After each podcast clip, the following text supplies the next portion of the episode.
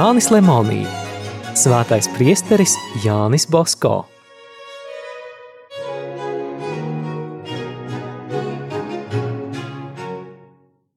Tūkstoš 840. 41. mācību gada sākumā seminārists Bosko tiešām gandrīz nomira. Viņš par to stāsta. Es vēl biju Kierī seminārā. Vēl tikai viena diena bija palikusi līdz brīvlaikam. Lija. Skatījos patvērto logu uz debesīm, kas bija apmākušās. Te pēkšņi palodzē, pie kuras es stāvēju, spēra zibens. Ķieģeļi pašķīda uz visām pusēm, kāds man trāpīja tieši pa vēderu. Zaudēju samaņu, Saskrēja draugi un domāja, ka zibens mani nospēris. Izcēlās liels troksnis. Mani aiznesa uz gultu, nomazgāja seju un jau sagatavojās apsargāt. Tikai es pats laikus atguvos, izlēcu no gultas un sāku smieties. Savu veselības stāvokli Jānis neņēma vērā. Viņš bija nodomājis darīt to, ko tajos laikos neviens pat nemēģināja. Parunājis ar priesteri Cincāno, viņš aizbrauca pie arhibīskapa Fransonī un saņēma atļauju 4. kursa programmu apgūt brīvlaikā. Par iemeslu tam viņš norādīja savu vecumu. Jāni bija jau pilni 24 gadi. Savam prāvestam palīdzēdams, Jānis Bosko tā bija sagatavojies, ka arhibīskapa delegāts, eksaminējot semināristu Bosko, nevarēja saprast, kur viņš ieguvis tik dziļas un plašas zināšanas. Jāni atlaizdams viņš teica, ka nezinot nemaz kādu atzīmi likt. Privāts stundas latīņu valodā seminārists Bosko mācīja arī tajā gadā.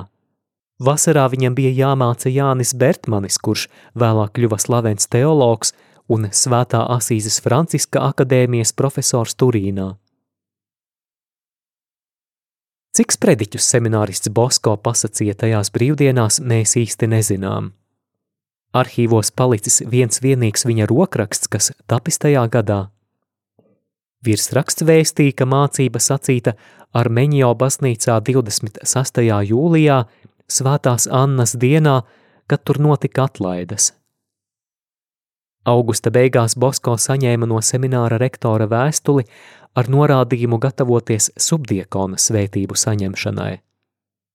Te minēsim, ko viņš raksta par šo svarīgo notikumu savā dzīvē. Tā kā ar tēva mantojumu nepietika priestera pūram, ko pieprasīja baznīcas likumi, tad brālis Jāzeps man atdeva visu, kas vien viņam bija. Subdiekona svētību saņemt gatavojos rudens pusē, Tagad, kad zinu, kādai jābūt likumībai, sperot šo tik svarīgo soli, esmu pārliecināts, ka nebiju pienācīgi sagatavojies. Bet toreiz, tā kā cita padomdevēja man nebija, aizgāju pie priestera Kafaso. Viņš man ieteica bez bailēm pieņemt svētības un visu atbildību atstāt viņam.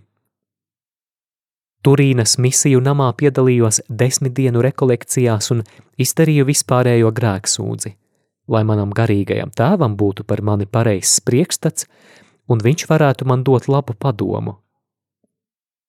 Teoloģijas studijas gribēju pabeigt, bet drebēju, domādams par smagajām važām, kas jānes visu mūžu. Tādēļ arī bez sava garīgā vadītāja padoma negribēju izšķirties. Kad viņš lika man būt mierīgam un pieņemt svētību, apņēmos izpildīt priestera Borelio padomu. Vientulība un bieža komunija sargā un spēcina aicinājumu.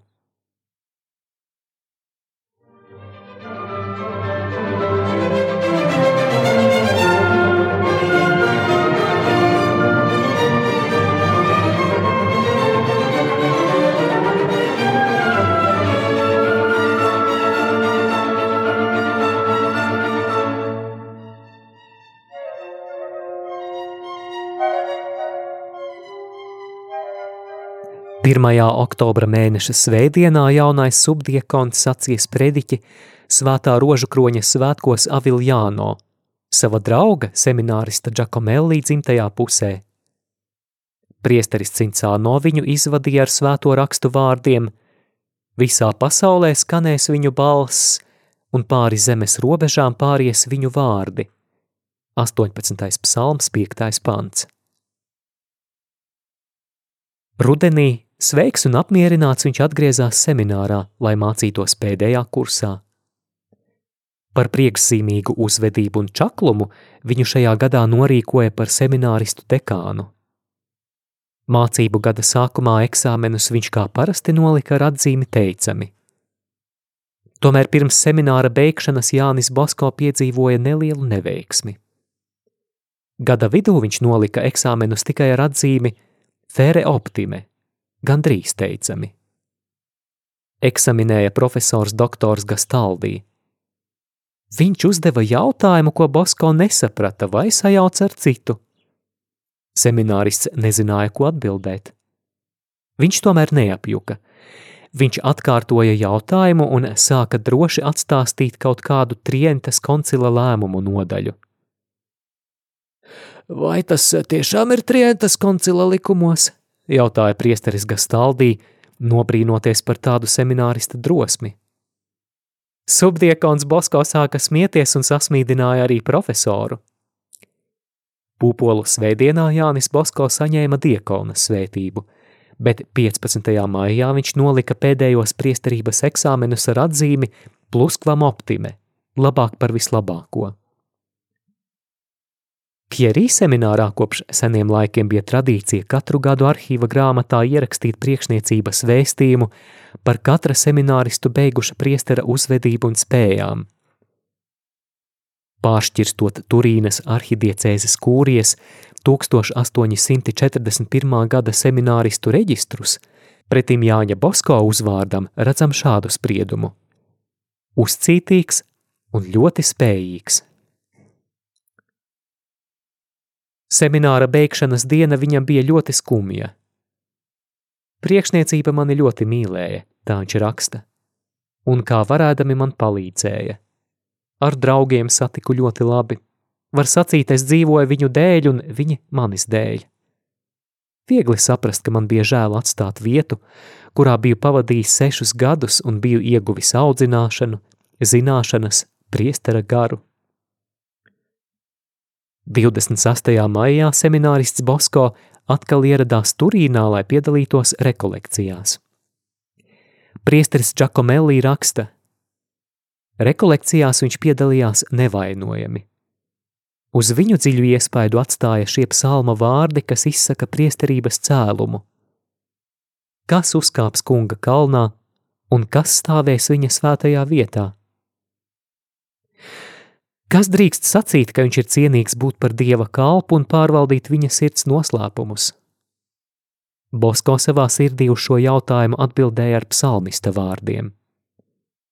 Tas, kam skaidra sirds un tīras rokas, kas pie tukšībām savu dvēseli nesaista, tas ir tas, kas kalpos dievam, bet nevis savām tieksmēm un kaislībām. No kunga viņš saņem svētību un atlīdzību no dieva sava pestītāja.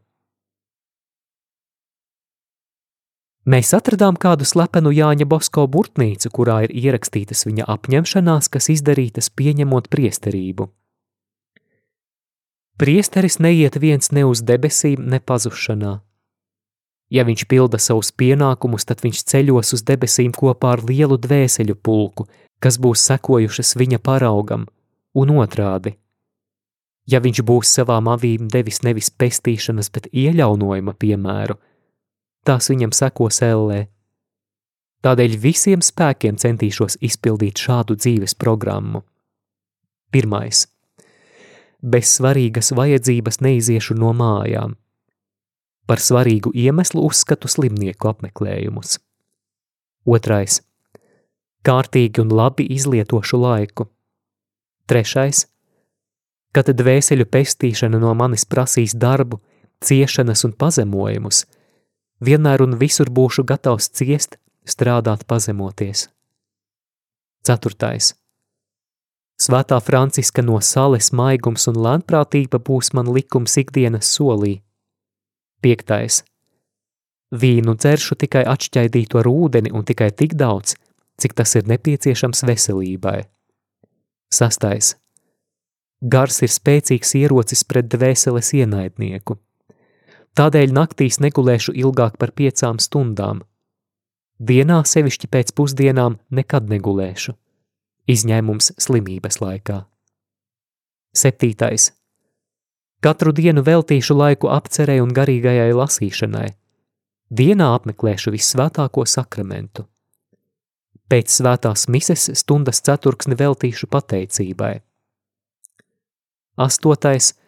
Nekad nerunāšu ar sievietēm, izņemot konfesionālu un tajos gadījumos, kad viņas atnāks lūgt padomu vai ar citām dvēseles vajadzībām.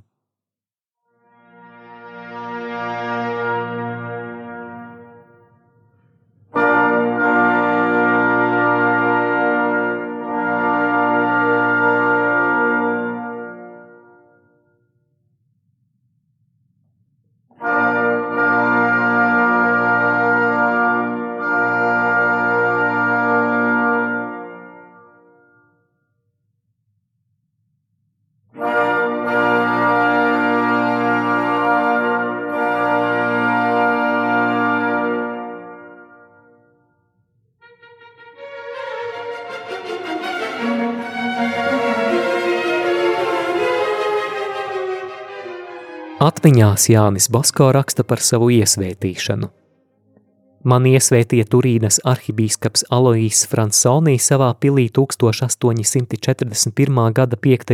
jūnijā, sestdienā pirms svētās trīsvienības svētkiem. Pirmo svēto misi celebrēju Asīzes Franciska baznīcā, kuras rektors bija mans dārgais labdaris priesteris Kafaso. Mani ļoti gaidīja dzimtajā novadā, kur jau daudzus gadus nebija bijusi primīcija. Tomēr es gribēju savu pirmo svēto misi celebrēt bez trokšņa pie sargaņģelim veltītā sānu altāra. Tajā dienā katoļu baznīca svinēja visvētās trīsvienības svētkus, Turīnes arhidiecēzē visvētā sakramenta brīnuma piemiņu. Svētā Asīzes Franciska baznīcā nemitīgās palīdzības diamātes atlaides. Kāda pārdabiska diena! Svētajā misē centos atcerēties visus savus profesorus, labdarus, sevišķi priesteri Kafaso, par kuru nekad nepārtraucu lūgties. Ir ticējams, ka Dievs tiešām dod žēlastību, kuru jaunais priesteris lūdz pirmajā svētajā misē. Es dedzīgi lūdzu sekmes ikvienam manam vārdam, lai varētu izpestīt ikvienu dvēseli, kas vien pie manis griezīsies. Man liekas, ka visspēcīgais Dievs manu pazemīgo lūgumu ir uzklausījis. Jānis Bosko saka, man liekas, bet mēs paši vēlāk redzēsim, ka Dievs bagātīgi viņam dāvāja šo žēlastību. Bieži vien viņš ar vienu vārdu ievirzīja cilvēku gribu citās sliedēs un iededza sirdī neparastu apņēmības dzirksti. Kā gan Dievs varētu atteikt šo žēlastību savam kalpam, ja tas vienmēr bijis uzticīgs viņa gribai, bet pirmo svētās mises upuri upurēja ar tik dzīvu ticību, nesatricināmu cerību un kvēlu mīlestību.